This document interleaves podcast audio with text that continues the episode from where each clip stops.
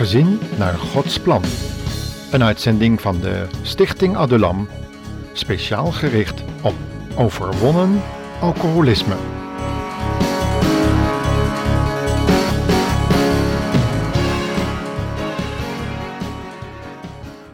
De vorige keer hebben we met elkaar nagedacht over het probleem alcohol en drugsverslaving. Tom was verslaafd geraakt aan alcohol en was daarmee naar een counselor gegaan. Nadat de problemen in zijn gezin steeds hoger waren opgelopen, was hij helemaal vastgelopen, hoewel hij met het alcoholgebruik gestopt zei te zijn. Hij was met zijn vrouw meegegaan naar de kerk en dacht alles overwonnen te hebben. Vier maanden lang hield hij het vol. Toen kon hij de verleiding niet meer weerstaan en opende de fles die hij van een zakenrelatie had gekregen. De alcohol bewerkte, in combinatie met de medicijnen die hij innam, zo'n ziek gevoel in zijn lichaam dat hij ten einde raad was. Met wanhopige gevoelens, of hij ooit nog van die alcohol af zou kunnen komen, besloot hij uiteindelijk naar het bureau voor alcoholbestrijding te gaan. En daar raakte hij in gesprek met Jerry, een gelovige die zelf vroeger alcoholist was geweest. In dat gesprek was onder andere de vijf stappen terug van een alcohol- en drugsverslaafde die weer in de tredmolen was gekomen van zijn vorige verslaving. Het waren pijnlijke stappen geweest en Tom voelde zich volledig ontnuchterd, ja vernederd. En hij moest erover nadenken en maar erkennen dat die vijf stappen in zijn leven zo zichtbaar waren geworden. Er was inderdaad trots geweest. En hij moest erkennen dat hij gemeend had dit in eigen kracht te kunnen doen. Hij moest zijn verslaving onder ogen zien.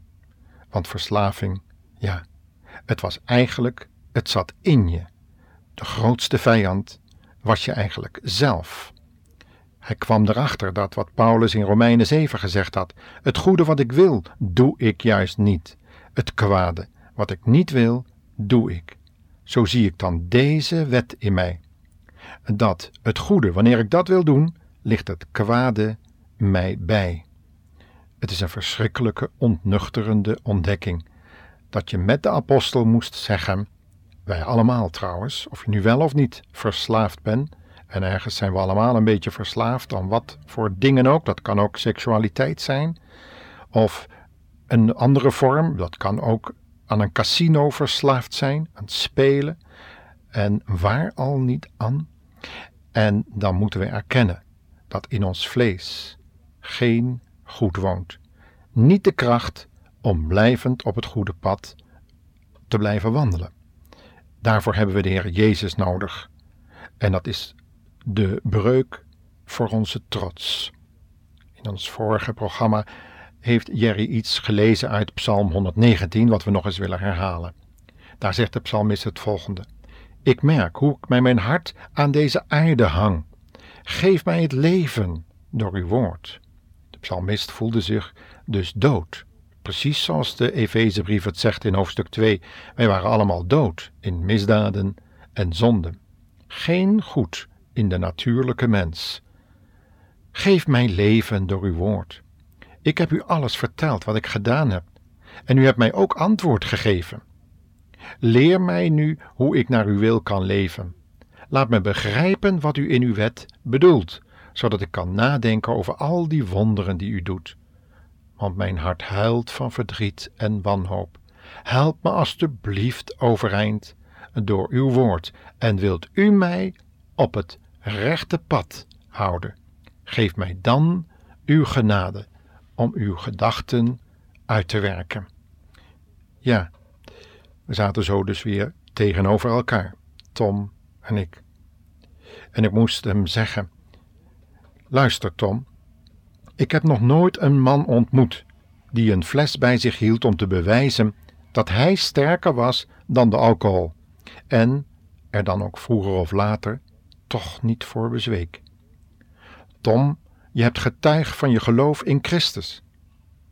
Ik vroeg hem er naar uit. En ja, ik weet niet hoe ik het moet zeggen. Maar Jerry, hoe is het nu? Hoe is het nu werkelijk? met jouw geloof? Mag ik daarnaar vragen? Hoe functioneert de Heer Jezus eigenlijk in jouw leven toen je naar de kerk ging? Zijn antwoord was het volgende. Toen ik met mijn vrouw naar de kerk ging, bemerkte ik voor het eerst in mijn leven dat God aan mijn zijde was. Ik wilde echt nuchter blijven. En dat was al een hele verandering voor me.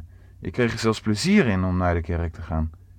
Ook waren we begonnen om thuis met elkaar elke dag uit de Bijbel te lezen.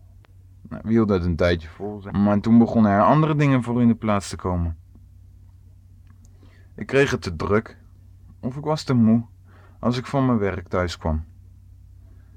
En had er niet veel meer energie om naar de bidstondavonden te gaan of naar de samenkomsten. Ik veronderstel dat dat fout was. Tom, zei ik, het is veel meer dan dat. Het is een heel serieus probleem. Kijk, als wij zeggen dat wij God willen dienen, maar we doen het niet, dan hebben we veel te veel verantwoordelijkheden. Want de Bijbel zelf zegt dat wij dat wel kunnen willen, maar waar haal je de kracht vandaan? Je kun je ook te veel verantwoordelijkheid op je hals halen door te zeggen, net als dat volk Israël: Al die dingen die u daar zegt, Mozes, van die wet en zo, dat zullen we wel even doen. Want dat is eigenlijk het echte probleem van elke alcoholist en drugsverslaafde. Hij denkt dat hij ervan af kan blijven. En zo gaat het met roken ook. Waar je ook aan verslaafd bent, wij houden, wanneer we verslaafd zijn, ons vaak een bedrieglijke spiegel voor, alsof wij er een eigen kracht van af kunnen komen. En als dat een tijdje lukt, dan zijn we de meest trotse mensen die op aarde rondlopen en kijken we heel vernederend neer op degene die dat zogenaamd niet gelukt is, totdat we zelf weer in de goot liggen.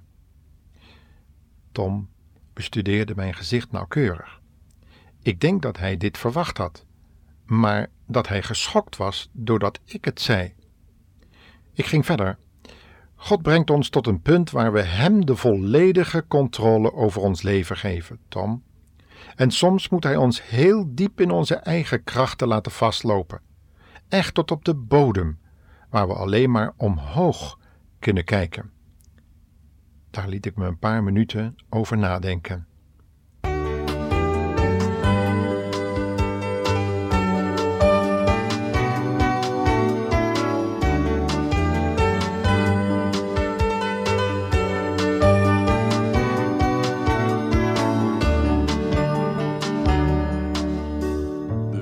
Steekt op, het wordt snel donker. De eerste druppels vallen neer.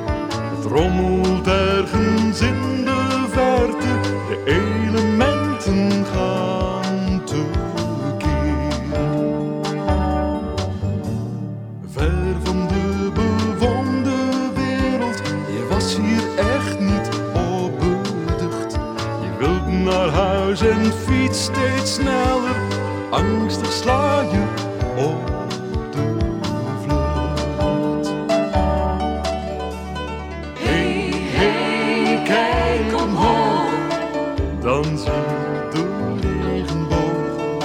Gods verbond met de mensen, kun jij je nog een beter teken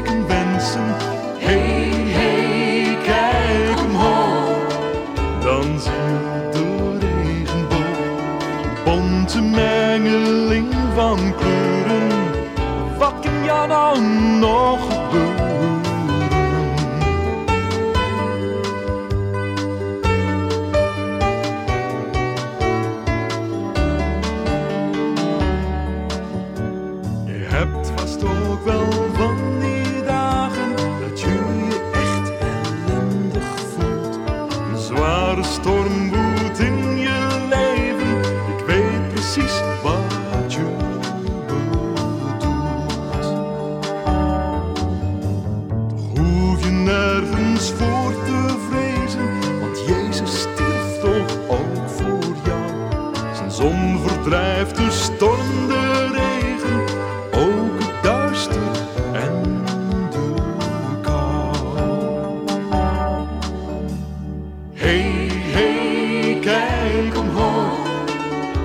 kijk omhoog, dan zie je de regenboog. Gods verbond met de mensen. Kun jij nog een beter teken wensen? Hey, hey, kijk omhoog, dan zie je de regenboog. Bonte mengeling van kleuren. Wat kan jou nou nog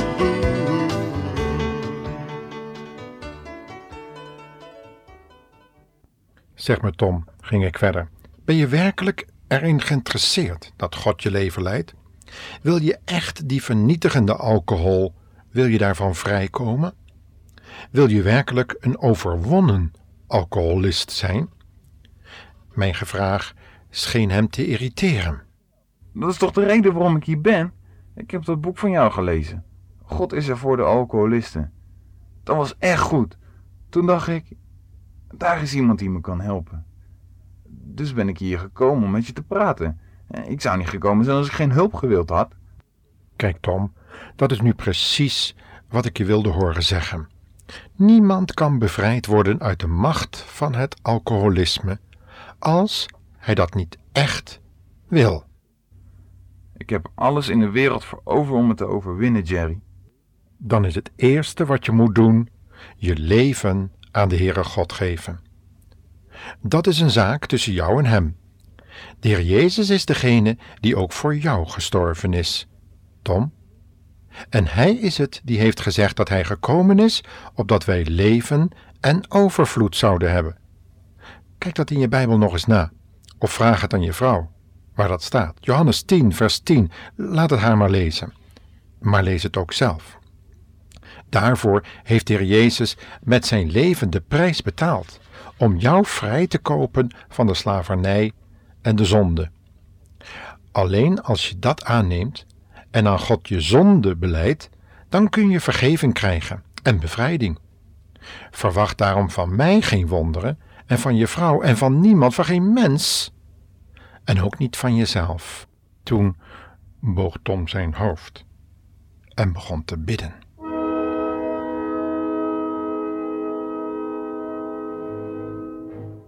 Oh God, ik weet hoe verschrikkelijk ik ben geweest. Ik ben weer begonnen met drinken en, en ik wil het niet meer doen. Ver- Vergeef me alsjeblieft, God. Ik geloof dat de Heer Jezus voor mij gestorven is en, en ik geloof dat Hij weer opgestaan is uit de dood. Al biddend veranderde de uitdrukking op zijn gezicht. De angst verdween en hij leek vrede te krijgen. Zijn ogen vulden zich met tranen van vreugde die langs zijn wangen stroomden. En hij begon God te danken voor het nieuwe leven. Luisteraar, kent u dat nieuwe leven al? Tot de volgende uitzending.